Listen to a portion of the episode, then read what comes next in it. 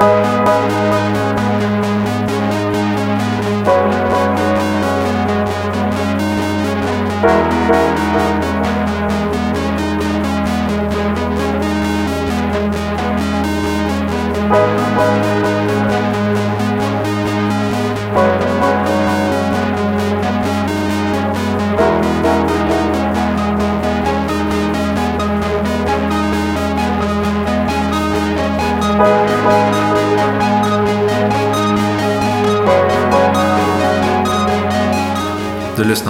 på med Christian Ramirez. En plats för samtal om det allra svåraste i livet. Välkommen!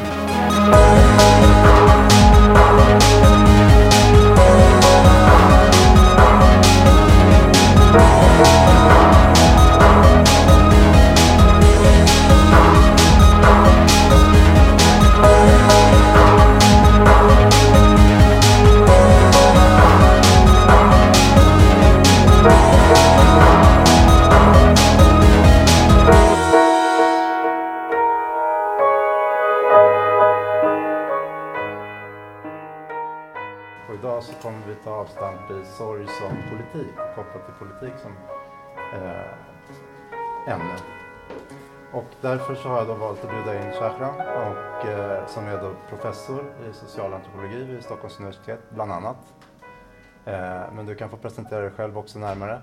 Eh, men eh, tanken är då att vi förhoppningsvis landar i någonting som handlar om om det som du har skrivit om eh, kring eh, temat politik och flykt. Eh, men eh, ämnet är fritt, så med de inledande orden så hälsar jag dig välkommen och du får berätta mer om varför du tackade ja till det här samtalet och vad du ser i, i vad det finns för möjliga ingångar i ämnet. Ja, ta tack, tack för inbjudan. Det är kul att vara här. Varför um, jag um, tackade jag eh, först och främst för att jag uh, tycker att det är viktigt att eh, komma ut ur eh, universitetet och um, dela med sig den kunskapen som annars stannar inom akademin. Det är en demokratisk fråga, det som vi kallar det tredje uppgiften. Efter utbildning, undervisning och forskning så uh, men det är, inte, det är inte många som gör det för att det räknas inte som merit inom akademin. Men, men uh, jag gör det så mycket jag kan för att jag tycker att det är viktigt och jag tycker, jag själv njuter av det också att eh, och lär eh, jättemycket ehm, själv. Um, också tyckte jag att det är viktigt att prata om känslor och inte bara sorg men känslor överhuvudtaget i en um, när det gäller migration och, och, och, och uh, flyktingskap um, och kontextualisera um, känslor, sorg, ångest, ilska. Um, för att vad jag upplever att de um, uh, avkontextualiseras oftast. Um, de uh, um, avpolitiseras, de individualiseras. Um, så jag tyckte det kunde vara intressant att, att uh, ha ett samtal om det här. Um, Jag är väldigt glad att du vill ställa upp på det. För att eh, när jag har eh, läst en del av det som du har skrivit då så får jag också möjlighet att kanske förstå mer utav egna processer. Och det är kanske det som socialantropologi handlar om också, om att förstå varför man gör på vissa sätt och varför människan är eh, som de gör i grupp eller som individer. Eh, nu är inte det kanske direkt kopplat till flykting, men någonting som jag tänkte på när jag läste var det som du har beskrivit kring eh, själva systemet i, i, i flykten och speciellt då kanske i sådana här saker som för oss kanske är enkla när vi kommer från den här världen med ett, ett välfungerande pass och en välfungerande, ett välfungerande system. Att man ändå kan känna sig stressad när man kommer till, till den situationen att man ska ställa sig inför en passkontroll i ett annat land eller någonting. Som turist kan jag känna det också. Vi, nu när vi var ute och reste eh, så har jag upplevt många gånger, och min sambo också antagligen, när vi eh, ska ställa oss i kö där, att jag blir nervös, svettig om händerna. Saker som du har beskrivit som kanske sånt som eh, ja, men som en flykting, när man dessutom ska presentera en falsk historia, är någonting som är ett system i sig. Eh, och att det är kanske också en del av någonting större, att, att, eh, att människor ska känna sig utanför samhället just. Ja, jag, um, jag tycker att det är... Alltså, vi kan inte leva andra människors liv. Um, vi kan inte exakt erfara vad andra um, erfarer. Mm. Um, däremot vi kan försöka få en förståelse av, av situationen. Mm. Uh, varför de gör det på det här sättet. Mm. Varför är de här? Varför uh, de säger vad de säger. Um, uh, och det, det är inte kanske det som vi ska prata om här. Uh, men men, um, men uh, jag tycker att det, det är roligt på, på svenska och, och, på tyska det finns två ord för, upple för experience. Mm. Ja? På engelska finns bara ett ord. Um, upplevelse och erfarenhet. Mm. uh, upplevelse um, som jag har läst om och jag har förstått uh, är Leibniz på tyska är mer in, individuellt, det är mer um, um, um, isolerad uh, experience av någonting. Däremot erfarenhet som har en, en element av uh, mobilitet, er, erfara, fara. Det är mm. samma sak i, i tyska, på tyska också. Um, så där finns en, en, en, annan, den är mer kollektiv, den är mer eh, eh historisk. Eh, och där finns en möjlighet att kunna koppla olika individuella upplevelser och det blir en kollektiv erfarenhet. Mm. Um, och då kan vi komma fram till en, en kanske eh, en förståelse av varandra bättre av situationen mm. som vi själva kanske inte har er, erfarit eller mm. Upplevt. Mm. Men om jag tänker då att jag kan bli nervös och känna det som en uppgift och sen när det finns människor då som lever i praktiskt taget limbo utanför samhället under många, många år. Att det kan ta fem, sex år att ta sig från säg Aten till Stockholm eller vad det nu kan vara för någonting för en person. Alltså jag kan flyga dit på några timmar. Mm. Eh, och att, hur, hur, ser du på det? Är det liksom en del utav ett politiskt system, att, eller ett politiskt sätt att, att hålla människor utanför samhället eller har det bara blivit så eller finns det en tanke bakom det? Tror att det... Ja, men det här eh, har blivit så. Mm. Um, och har blivit så, inte av naturen eller av Gud, utan uh, av oss själva. Mm. Mm. Så det vi pratar om ett system som vi har skapat. Alltså passet. Uh, det är inte naturligt att ha mm. pass. uh, ja. Så det är, det är en social konstruktion. Um, um, så och där, som du säger själv, om du, du har ett svenskt pass, du kan resa till 175 länder utan visum. Mm. Om du har ett afghanskt pass och du reser till eh, länder utan visum, kanske 22 länder.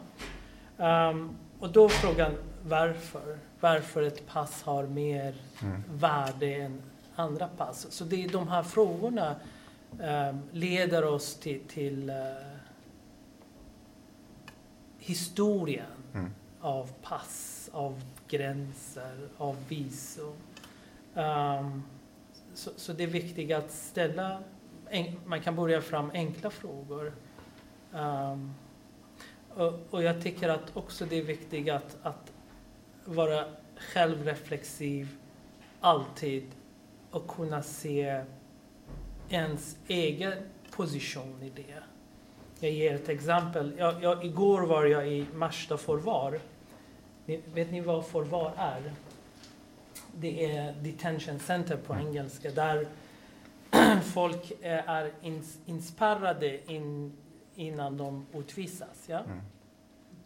Så jag träffade en, en ung kille från Afghanistan. Um, um, eh, kanske 18-19 år gammal. Um, och han har suttit där inne i fem månader uh, och ska utvisas snart.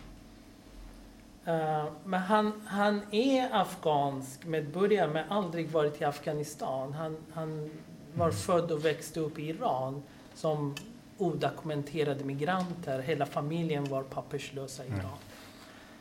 Um, och när jag pratade med honom och han blev lite eh, känslomässig vid slutet och, och, och, och blev jätteledsen. Um, så först tyckte jag okej, okay, han är ledsen. Men sen tänkte jag, vad är min roll i det här? Mm. Vad, vad, är, vad är min position i, till, i relation till hans sorg? Ja? Mm. Uh, och det var, jag, jag är från Iran, ja. Mm. Och då tänkte jag, ja, jag kommer från ett land som jag växte upp i. Jag eh, har min familj där fortfarande. Um, och det landet uh, diskriminerade honom under hela hans uppväxt. Mm. Han fick inte gå i skolan där. Um, han, han, fick höra rasistiska kommentarer av, av, uh, av folk i, i mitt land. Uh, och, och, den här sorgen som var framför mig igår uh, är en resultat av en lång, inte bara den här fem månader i ett förvar i Sverige, utan mm. han upp, vad han upplevde hela... Så, så vad jag försöker jag säga, att hela tiden ta mitt ansvar i det mm. här. Mm. Vad är mitt ansvar? Mm. Vad, vad, vad, har jag gjort eller inte har gjort mm. eh, i det här sammanhanget? Är det det som man syftar till också när man pratar om det personliga som något politiskt då, eller hur? Ja, absolut. I, i sådana sammanhang tycker jag allt personligt är politiska. Mm. Så, så, det räcker inte att säga att han är, han är ledsen det är en, som en eh, individuellt eh, ja, sorry. Utan eh, det är i, i högsta grad en politisk fråga eh, återigen upplevelse av rasismen, av papperslöshet och sen komma mm. hela vägen till Sverige, får avslag efter avslag och sen mm. hamnar i ett förvar bakom stängda dörrar mm. för en ung man som inte har gjort någon, någon brottslighet mm. utan han bara sökte asyl. så, så det är... Jag tycker att, jo, men jag tycker att, att det här självreflexiviteten är viktig. Om du reser med ditt svenska pass och reser till 175 länder utan visum och ser precis en annan person bredvid mm. dig som inte får göra det. Mm. Um, så man frågar, var kommer det här privilegiet mm. ifrån? Varför jag fick den här och inte den här andra personen? Mm. Så, så um, Nej, jag reflekterade lite över det också när vi var i Chile nu i, i vintras råkade ut för en situation där vi plötsligt hade gjort fel med våra pass. Eh, vi hade varit utanför gränsen kort eh, och sen inte blivit instämplade i landet igen på grund av en banalitet och inte vårt fel egentligen. Men plötsligt så var vi i ett limbo där vi egentligen då inte hade korrekta papper i landet. Eh, vi var tvungna att besöka då eh, migrationspolisen och ställa frågor kring det och hur man skulle lösa det här och då kom jag då från en familj där jag, vi kan prata för oss. Min pappa är från Chile så jag kan språket. Jag förstår reglerna som jurist. Eh, men det gick ändå inte att lösa på något smidigt sätt. Utan det var så vi, vi var tvungna då att, att ställa oss och köa tillsammans med dem som då i det landet, i det här fallet då folk från Haiti som, som söker uppehållstillstånd mm. eller så plötsligt så, från att ha varit den här bekväma turisten i det här landet så stod jag i samma kö som dem, fick ta samma mm. nummerlapp som dem och i princip ja, sitter och pratar med, med dem då, om vad, vad de gör där. Och, mm. eh, men att det var inte meningen från början att jag skulle hamna i det. Och det är också kanske ett lotteri i det. Nu löste ju sig allting för att det var inga, inga konstigheter inblandat i det. Men eh, just där och då vart jag medveten om att hur viktigt det är att de här systemen, om vi inte uppfyller det så är vi plötsligt utanför. Och eh, i princip då, hade vi anlänt dit utan korrekta papper och så, så hade vi kunnat hamna i en sämre situation. Mm. Eh, migrationspolisen sa till oss att skaffa de här stämplarna så fort som möjligt för hände det någonting i landet så var vi egentligen papperslösa. Mm. Enligt deras bemärkelse. Eh, nu är det återigen eh, en, en situation som, där, där vi då eh, kan lösa medan de som sitter där har flytt dit av, av flera olika skäl och så eh, med en helt annan erfarenhet av, av det. Eh, men just eh, för att landa återigen i det här personliga då. Mm. Hur, hur ska man då eh, se på det som vi skapar idag i, i det politiska samhälle som vi har då när man pratar just om papperslösa, man pratar om EU-migranter eh, och där jag upplever i alla fall att man försöker gruppera individer för att kanske göra saken lättare. Att, att besluta politiskt om hur man ska lösa det, eller så att man försöker eh, avindividualisera de personerna som har kommit hit. Eh, hur ser du på det? Är det... Um, jo, alltså, de, de är politiska kategorier mm. som inte alltid um, motsvarar verkligheten. um,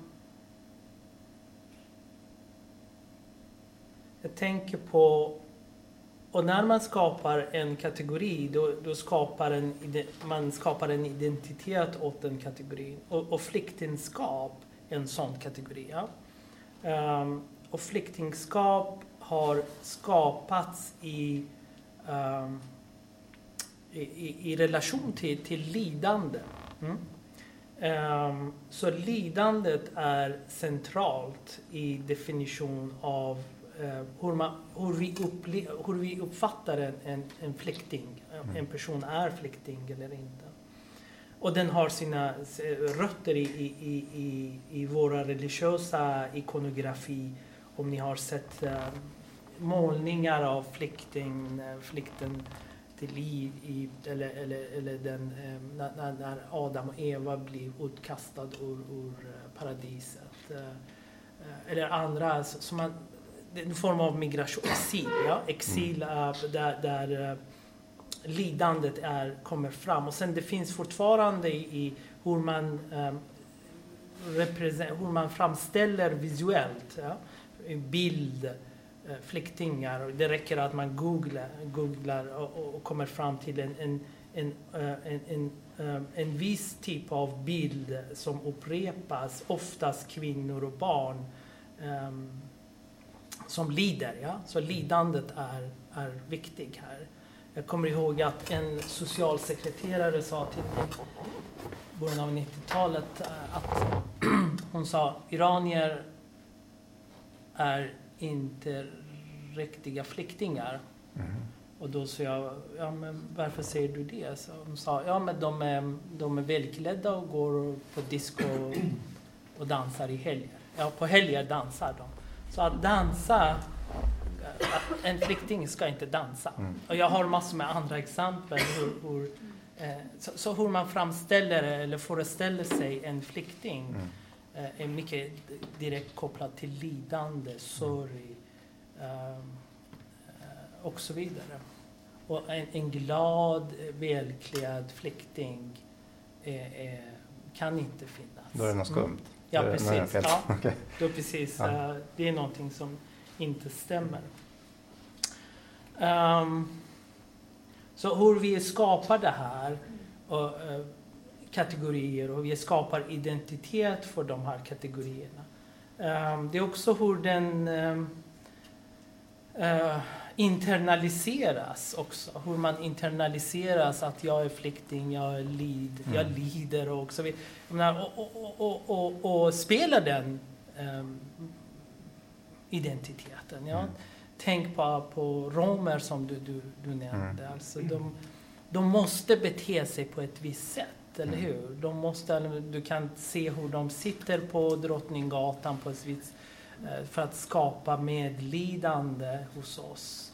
Um, um, så, så, så det, det, det, det, blir en, en ond cirkel. Vi skapar en identitet och roll åt dem och de internaliserar, den. De måste uppfylla den rollen hela tiden. Uppfylla den, precis som en flykting, som en, en, en, en, en, en rom. De romer som går på gatan i Stockholm och, och, och, ber om pengar. Um, för att skapa, för att annars känner vi inte igen det här. Mm. Um, om, en välklädd, en glad person eller du vet, så, så det är Mm. så, sånt, ja. Nej, jag har till och med hört det att just eh, kring romer då, om man pratar om det, att de, folk har reagerat på att de sitter med mobiltelefon.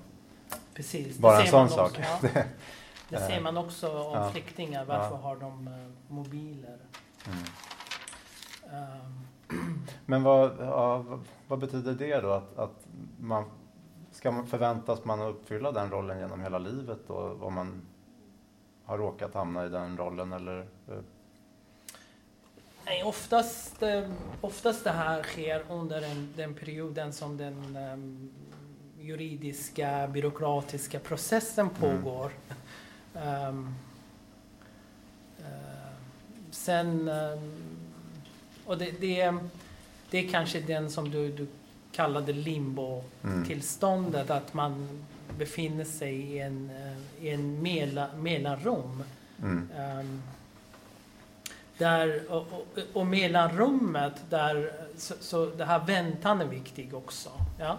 I relation till sorg och känslor. Mm. Väntan för att man väntar. Och, och, och, och väntan här, i det här kontexten jag pratar om, det handlar inte om en månad eller ett år, utan ibland pratar vi om flera år, ibland pratar vi om 20 år. Ja? Så du kan tänka dig vad, vad det innebär att vänta i 10 år. Mm. Och, och, och vad väntar man på? Man väntar på att ehm, stabilisera sig i ett nytt land. För att, och det innebär i, i sin tur att kunna eh, träffa sina, sin familj, sina barn, eh, sin man och så vidare. Ja. Så vad händer med, med människor när de väntar länge? Mm. Eh, vad händer med deras... eh, och, och, de här vänt, och den här vänttiden oftast sker i en jättekritisk eh, del av ens liv. Alltså de är oftast unga personer. Mm. Ja? Ehm, så så ehm, när man väntar, den här väntetiden är när man är 20 år, 25, det är precis då man skapar ett liv. Ja? Man Mm. går i skolan eller eh, går på universitet eller skaffar sig eh, en familj eller och så vidare. Ja? Eh, och vad händer när man inte får göra det här? Mm. Och, och snart är man för, det är för sent. Mm. Det är för sent att skaffa barn. Det är för sent att skaffa en familj. Det är för sent att skaffa sig en utbildning. eh, och så vidare. Så, Mm. så, um, och det försvinner inte när man, även om man får papper. Mm. Ja? Ä- även om man får uppehållstillstånd efter det här. Så, så, så det här såren av lång väntan ehm, blir kvar. Oftast för resten av Mm. livet. Ja. Nej, och det går väl absolut att koppla till sorg. Just att, att vara i ett, ett sånt vakuum, eller vad man ska kalla det för, att inte veta vart man är på väg och inte kunna göra någonting av sitt liv. Och vissa människor som då kanske dessutom har fötts i det här. Alltså att man eh, kanske till och med är född och uppvuxen i ett flyktingläger i princip, så som världen ser ut idag. Mm. Och sen lever i den, den miljön och den, eh, den kontexten hela tiden. Ja, det är, den här unga mannen igår, ehm, jag, som jag träffade igår, sa till mig att det var lättare om han var i fängelse. Mm. Och då frågade jag, vad menar du? Så, då visste jag att eh, hur länge ska sitta inne. Mm. Ja? Och det är just, om man, om man eh, dödar en annan människa i Sverige, då man sitter tidsbestämt. Man sitter, jag vet inte, 12-13 Mm. år och sen kan man komma ut. Ja? Mm. Även kanske tidigare kan man komma ut. Ehm, men i, teoretiskt kan man sitta i ett förvar hur länge som helst. Ehm, vi har ett exempel från Storbritannien, fyra år nu. Ehm, så, så det... Mm. Så den, den känsla av eh, osäkerhet, man vet inte vad som händer, varför jag är här, hur länge Mm. kommer jag att vara här, eller som papperslös. Så, den här eh, känslan av att man inte kan planera sin tid. Att man vet inte, om man är papperslös då innebär det att man kan bli arresterad och utvisad när som helst, ja? Mm. teoretiskt Mm. i alla fall. Då kan man inte planera sitt liv. Ja? Du kan göra det, jag kan göra Mm. det. Jag, jag vet att nästa vecka jag har eh, så många möten, Mm. jag ska göra det här, jag ska vara i Uppsala, jag kan planera mina dagar. Ehm, men inte en papperslös. Mm. Ja? Eh, eh, eller en flykting som väntar på besked. Ehm, ehm, och, och dagar och tid innebär andra saker. M- måndag för dig, för mig, betyder att gå till jobb. Um, lördag, söndag betyder Mm. någonting annat. Men för en papperslös, det är de här dagarna, Mm. veckorna, tiderna, kväll, morgon, natt. Det spelar ingen roll. Alltså, de kanske blir kallade, ja, du måste jobba och de, de springer och jobbar. Och, så, så, så Mm. det är den de... de ehm, att, att man hamnar utanför det um, rytmen som vi har skapat för, Mm. för, för det här samhället. Ja, vid något tillfälle så läste jag att du har beskrivit det som att man hamnar utanför tidtabellerna. På något Tidtabellerna, sätt. precis. Ja. Eh, och allt ifrån då det som du beskriver då att en måndag är en måndag när veckan startar eller, eller eh, eh, årstider kanske till och med också. Ja, precis. En, en, en, en, um, en, en person, en papperslös person sa till mig att jag, jag hatar måndagar. Och då frågade jag honom varför och han sa jo men måndagar alla springer till, till sina jobb eller skolor. Men jag har ingenting att springa till. Mm. Så, så måndag var eh, en, en sim, symboliserad eller eh, för honom hans utanförskap. Mm. Så, så bara en, en, en liten Mm. grej som en måndag morgon skapar ångest och sorg hos en person. Mm. Ehm, ja, årstider också. Jag menar, på, när det blir juli eh, så, ehm, så alla åker till sina sommarställen. Ja. Eh, det är också, där också skapar kanske eh, då, då kanske blir lite, lite mer uppenbar. Mm. Ehm, ja, eller, ja, det är någonting som jag tänker på. Jag, jag har inte Mm. undersökt det här men jag all, alltid i juli månad den här frågan kommer tillbaka. Ja, va- vart har alla svenskarna tagit vägen? Mm. Ja. Ehm, ja. Så det där blir lite mer visuellt, alltså Så sinnligt. vi, vi kanske har sång, söndagsångest medan eh, andra har måndagsångest. Då. Ja. Ehm, och sen efter det då när du väl har fått eh, tillstånd att vara här i Sverige och, och med, med den politik som vi för idag så hamnar man återigen utanför samhället så som jag ser det i många fall. Ja, alltså jag, jag vill inte säga att de hamnar utanför samhället. För att de är i högsta grad inne i Mm. samhället. Ehm, även papperslösa. Ehm, eh, de är ehm, inne i samhället för att de jobbar. Mm. De jobbar i den informella ekonomin. Mm. Men den informella ekonomin är fortfarande en del En del. av landets ekonomi. Mm. Eh, och den informella sektorn är, är, i högsta grad en del av den formella sektorn. Så vi kan inte skilja dem isär jättemycket. Um, någonting som man brukar höra hela tiden Mm. av, av, eh, i media, av media eller politiker. Men ehm, de är i samhället. Eh, De är en del av. I vissa länder, till typ ehm, USA, Mm.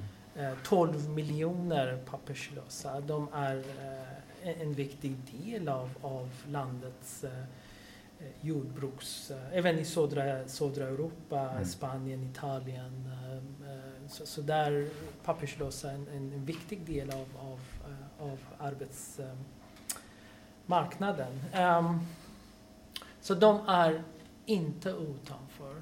Uh, uh, men inte in, inne heller. Nej. Så, så, så det är en, en, jättekomplex mekanism av eh, exkludering, inkludering, en, en inkluderande exkludering eller en exkluderande inkludering. Um, um, att man exkluderar dem från lagen, Mm. men där, eh, samtidigt de är in i lagen för att polisen ska gå och arrestera dem ja? Mm. och, och skicka ut dem. Om de jobbar svart så de ska bestraffas och så vidare.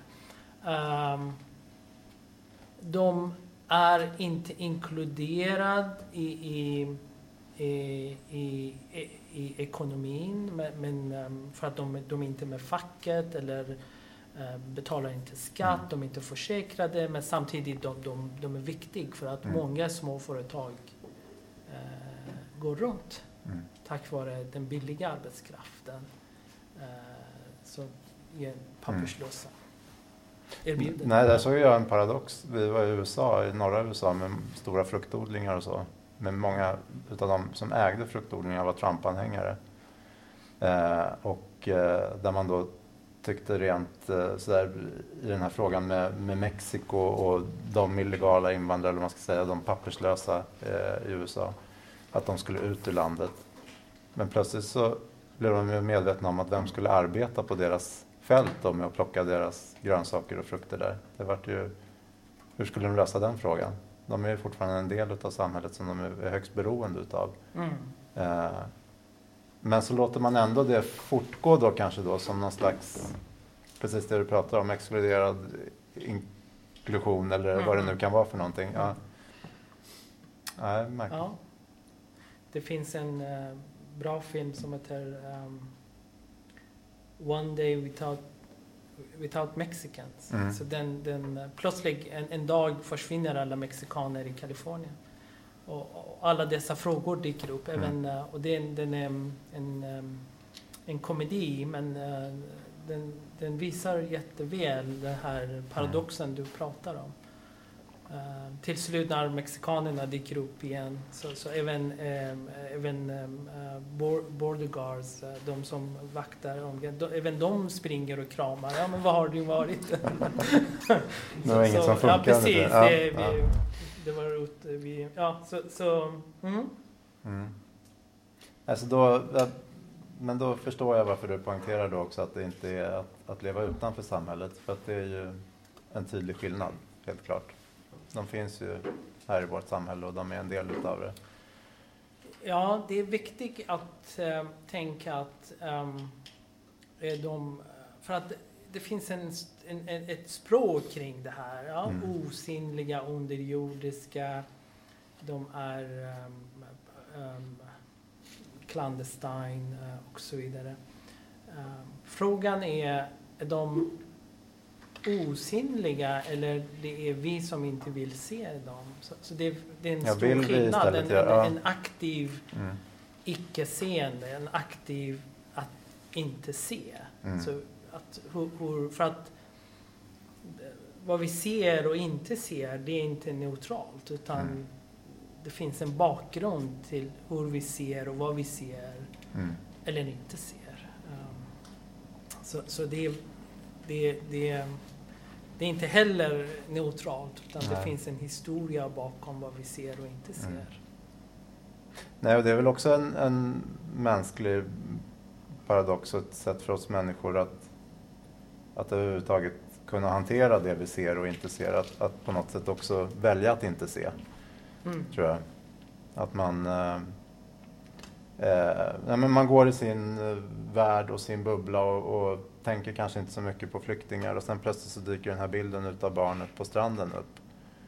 Och, och hela Sverige börjar skramla helt plötsligt och gör stora galor kring det. För att då var det för uppenbart på något sätt. Men sen några veckor senare så är vi tillbaka i samma värld igen. Mm.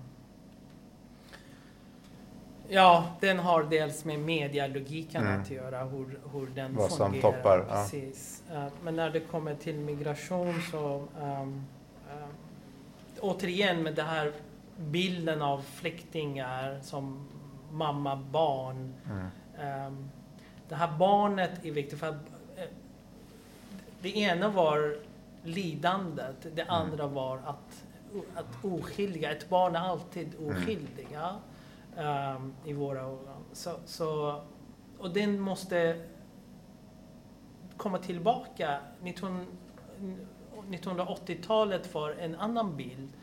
Jag vet inte om ni kommer ihåg, det var en, en ung afghansk uh, flicka uh, på National Geographic, ja? 1984. Mm. Så den var ikonen av flyktingar för, för jättelänge. Mm. Nu har vi Allan Kurdi, mm. den här treåriga uh, barnen på, på stranden. Så, så återigen, det, det handlar om oss mm. snarare om dem. Det är, vad är vårt behov och vad, vad är vi, uh, hur vi tänker kring, uh, mm. kring dessa, dessa frågor. Mm. Det här du sa om att, att uh, iranska flyktingar är inte flyktingar för att de dansar. Uh, jag tänker på det som man ser idag i, bland annat i sociala medier med alternativhögern eller alt-right där man försöker skapa bilden av just kanske precis det. Att folk inte är flyktingar för att de för att de kan simma eller för att de dansar eller för att de har pengar eller vad det nu kan vara för någonting. Och att man eh, bombarderar egentligen då sociala medier med sådana bilder också. Vad mm. syftar det till? Det... Um, ja, den, den, har med det här um, juridiska eller legala kategoriseringar som du nämnde, mm. eller vi pratade om. Vem är en flykting? Och då gör man en tydlig förenklad skillnad mellan ekonomi och politik. Mm. Eh, då säger jag att den här personen är här på grund av politiska frågor, den där personen är här på grund av ekonomiska frågor.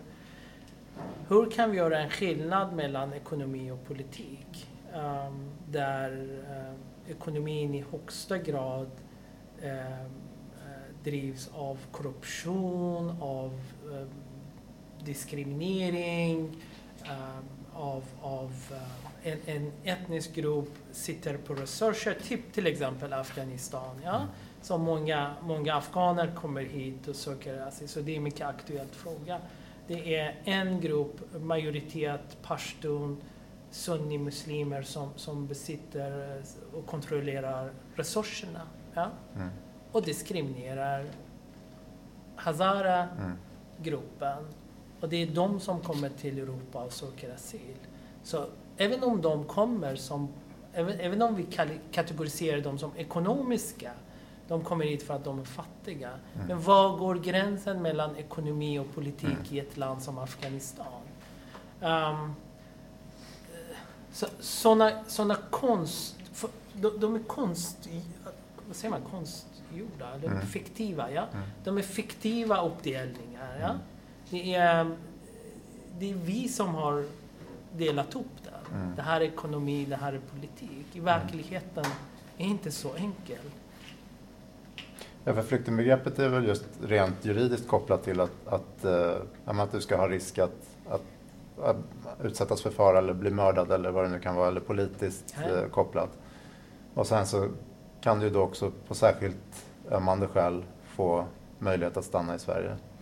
Den här konventionen, flyktingkonventionen från 1951 eh, mm. och den kom efter andra världskriget och på grund av vad som hände andra mm. världskriget.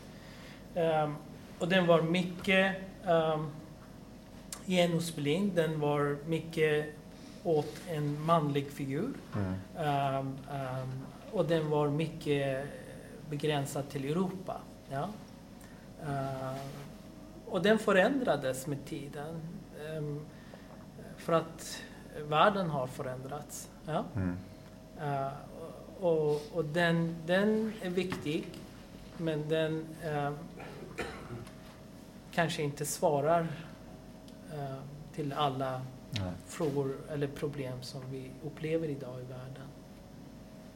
Nej, och risken är väl också att det blir än värre framöver om det är så att flykting, alltså att man måste fly från sitt land på grund av naturkatastrofer eller andra eh, skeenden som gör att, att det egentligen inte finns ett, ett politiskt skäl i grund och botten. Men det, ja, jag vet Ja. inte.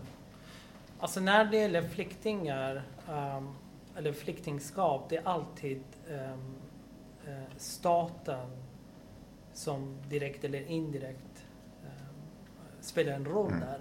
Direkt genom att skapa krig eller förföljelse, politisk förtryck och så vidare. Men indirekt också genom att inte, inte skydda sina medborgare. Mm. En ju, eh, jordbävning ehm, är inte politisk händelse Nej. i sig, eller hur? Nej. En jordbävning som... ehm, om, om, men om samma jordbävning i Stockholm och i Kabul, den har helt olika konsekvenser. Mm. I Sverige finns en stark stat, stark infrastruktur, starkt civilt samhälle som skyddar svenskarna. Även om det kommer en stor jord, jordbävning så det, det kommer inte skapas flyktingar från Sverige. Men samma jordbävning i Kabul kommer att leda till massflykt. Ja? Mm. För att det finns ingen stark stad eller Mm. starkt civilt samhälle eller bra infrastruktur. Så, så även, även ä- naturkatastrof ehm,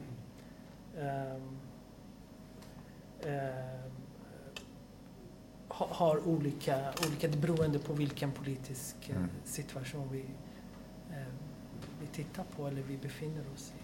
Så det är återigen, det är jätteviktigt att, att titta på, på den konte- kontexten. Ehm, mm. Eh, hur, förutom det här att man är utanför tidtabellen. Eh, om du har levt hela ditt liv i flykt och kanske till och med är född och uppvuxen i, i eh, ett flyktingläger till exempel.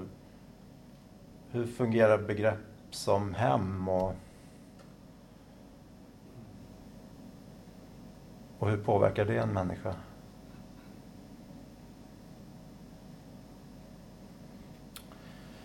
Ja.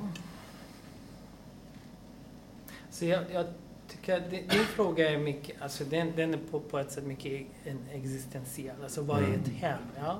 Vad har vi hemma? Och, och, och det är inte enkel, eh, enkel fråga. Det, det, det, finns inget enkel, det finns inte en enkelt svar för det heller. Tycker att eh, begreppet hem eh,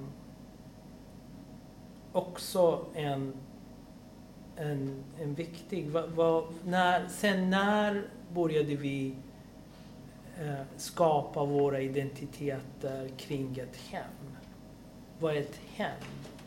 Eh, många som flyr, de flyr från sina hem på grund av krig eller det kan vara eh, de flyr från hemmet för att det finns en pappa som slår eller en mannen som... ehm, eh, vad, säger man? Domestic violence? ehm, Ja, våld i hemmet. Ja. Våld i hemmet, ja. Ehm, så hem är inte alltid, alltid någonting bra. Hem är inte Mm. alltid associeras till, till, till eh, säkerhet och, Ja. och, och, och, och, och många kvinnor som, som har upplevt problem i, i hem kan, kan bekräfta det här. Mm. Hem också, ehm, det, det, det är roligt för att en, en ehm, Jimmy Åkesson uh, länge sedan ehm, använde eh, oikos i, i ett tal. Mm. Och oikos, för, för att säga att det är viktigt med hem. Ja? Mm. Vi, vi måste försvara den och så vidare. Eh, Oikos kommer från det gamla Grekland, ja, gamla Aten. Eh, men oikos var bra för fria män. Mm. Mm. Kvinnor och, och, och slavar eh, hade ingen tillgång till det, det, den sköna hemmet, Nej. oikos. Ja? Så det, det, det är viktigt när vi säger hem, um, tänka på hem för vem och, och, och vad, betyder betyder det? hem? Ehm, och där finns också mycket. Så, så hem, idén om kärnfamilj, hem och hemland, de, de går in i varandra. Mm. Ja? Um, hemlandet, um, vi tänker kring hemlandet i, i form av, uh, oftast i form av en kvinna, Moder Svea. Uh, um, tänker på när, när um, de här um, unga killar som sprang på gatan i Stockholm och misshandlade invandrare, Mm. killar, förra året eller? Ja, vad Mm. var det? Oden, Odin? Ja, just det. Ja. Ja, någonting sånt. Um, de, de sa, ja, rör inte våra kvinnor. Eller, eller ni nazister 80-talet hade, rör inte min tjej. Mm. Rör inte min tjej. Ja. Mm. Så, så, um, så det finns alltid det här idén om, om um, eh, patriarkaliska Mm. hemmet kopplat till nation, nation, nation, nationalism och, och, eh, kring idén om, om hemlandet. Um, eh, så hem är för mig ett, ett, ett laddat begrepp och problematisk. Eh, um, Och när du pratar om hemlandet då så kanske det blir ännu mer problematiskt. Om, som det här exempel som du tog upp med den yngre killen som du har träffat nyligen på förvaret. När han egentligen rent, vad sa du, hemland Afghanistan. Enligt, ja. ja, enligt papperna. Jag frågade honom, jag sa du, du är på pappret du skulle vara afghansk medborgare Mm. men du är född i Iran, växte upp i Iran och Mm. nu är du i Sverige. Mm. Vad- vilket land Mm. har du ehm, känner du att du, du Mm. har en tillhörighet? Och han sa, ehm, han, han sa det, han, att det enda landet han kände sig ehm, glad i var Sverige. Mm. För det var först när han var i Sverige, fick gå i skolan, han, under de några åren som han var asylsökande Mm. väntade på, så, så var första gången som han behandlades på, på, på ett bra sätt, Mm. enligt honom. Um, um, så, så vad är hem? Det är Mm. hemmet för honom var att bli behandlad som en, som en person. Mm. Ja? Ehm, inte det landet han har mm, medborgarskap i Nej. eller det landet han växte upp i utan det är ett land som han behandlats som en människa. Ja? Så, så vad är ett hem? Ja. Mm. Nej, I hans fall så var väl också själva hemlandet en konstruktion som han inte känner någon... Ja. Som han Direkt kommer koppling att till, eh, ja. utvisas till. Ja. Ja. Precis. Och det är oftast, eh, oftast eh, motiveras eh, och legitimeras genom att vi skickar dem hem. Mm. Men det är inte hem. Det Nej. finns inget hem. Det, han har ingen där. Eh, så, så alltid det här hemmet kommer tillbaka i liksom försvara hemlandet. Det är vårt hem, Orkus. Och de ska De ska åka hem. åka hem. Mm. Ja. De ska åka hem, precis. Uh, men vi, all, vi, vi frågar inte eh, v- vad menar ni med hem? Och, alltså frågan är inte vart ska de åka till utan till vad ska Mm. de, alltså till vad? Vad finns där Mm. ehm, de ska skickas till? Ehm, mm. Nej, men det, det här hemmet är jätteintressant. Eh, Det har, alltså inte minst när det kommer till sorg och känslor, hemlängtan, eh, nostalgi. Nostalgi, Mm. du vet att den började med, med eh, schweiziska soldater när de var långt borta. Så för första gången de började prata om nostalgi Mm. som en, en sjukdom. Um, um, så, så, och, och det finns hur mycket som helst uh, uh, filmer och romaner och, Mm. om, om, om längtan och hem och hemlöshet och så vidare. Uh, det är jätte tilltalande och vackert men samtidigt uh, farligt, Mm. missledande. Nej, och, och om man använder det i en politisk debatt också som ett begrepp, precis som du har sagt, så är det väl också vad är hem? Eh, men jag tänker återigen på den här unga personen som du har träffat nu. Om, om, där är ju ytterligare en konstruktion som vi har blivit eh, fenomenalt duktiga på att hålla på med i Sverige också. Att till exempel ett ensamkommande flyktingbarn är ett begrepp som är väldigt speciellt i den här debatten också. Och där man då också ska försöka sätta in någon slags eh, definition på vad det är. Och vem som får Mm. vara det eller inte vara det, vem som trillar utanför den eh, bedömningen. Eh, och där man då tar till medicinska eh, medel för att kunna avgöra en persons egentliga ålder. Fast Ja. det är väldigt omdebatterat ifall det överhuvudtaget fungerar. Mm. Eh, ja, vad blir det av det?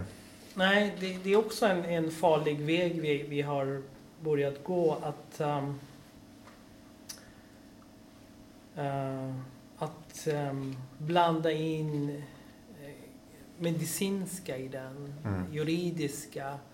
Um, att um, istället för att fokusera på det politiska, fokusera på det humanitära. Um, så du får inte stanna här, eller du får stanna här inte av politiska utan att, att och där när kroppen kommer in Mm. då börjar man, man ehm, och det är också en farlig eller, eller, dålig eller missledande process. Så, så, så när jag går igenom um, det här asylärendet så mer och mer finns dokument av psykiatrer eller, eller psyk- psykologer som ska bekräfta att det här personer lider. Mm.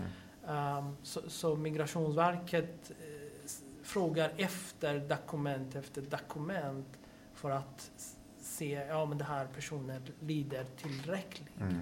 Frågan är hur, vad är tillräckligt här? Um, um, det är, jag läste, en, jag läste en, ett, ett beslut Migrationsverket skickade till en, en ung afghansk man sa, för att det var avslag. Ja? Mm.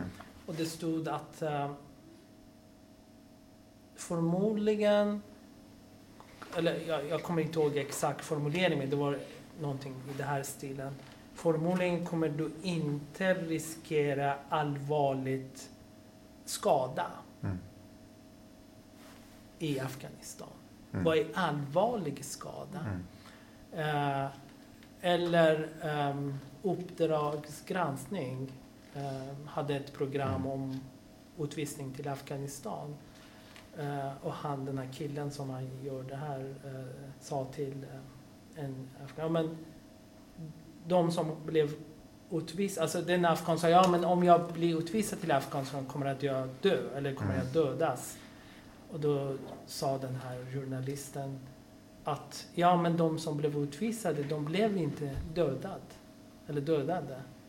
Så att bli dödad är ett bevis. Mm, Okej, att Att det är du- farligt. Ja. Ja precis. Ja. Men om man är död, död, död. Eller det, det är ett annat exempel var, var, fram Storbritannien där en em, personal från deras migrationsverket eh, intervjuar en asylsökande från Eritrea eh, om tortyr och så vidare och, och säger ja men de dödade inte dig. Mm. Alltså om alltså, den här personen hade blivit dödad så det var Då hade det varit grund för asyl. asyl.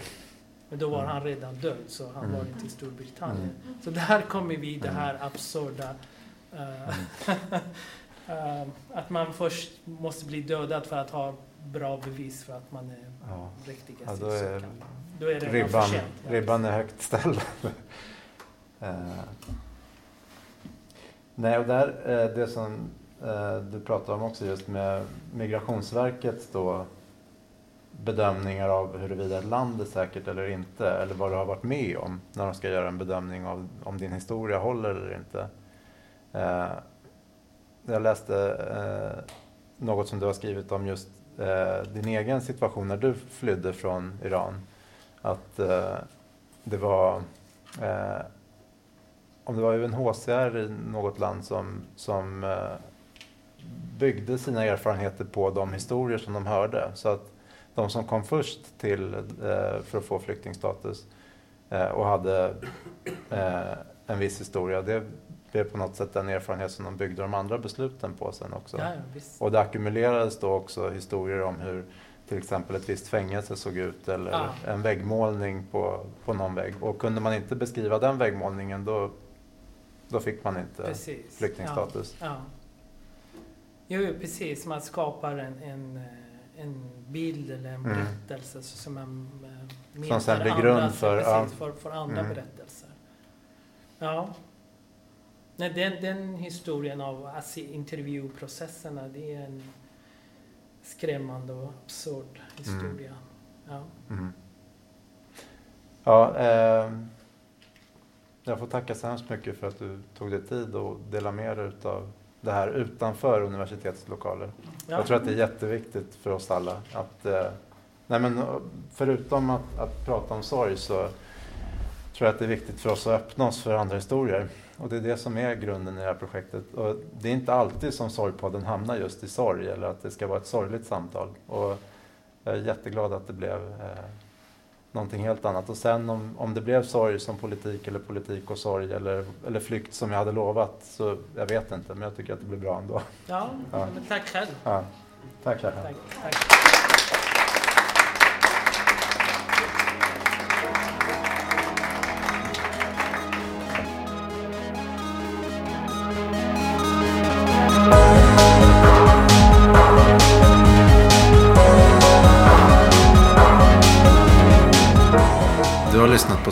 Podden med Christian Ramirez. En plats för samtal om det allra svåraste i livet. Tack för att du lyssnar.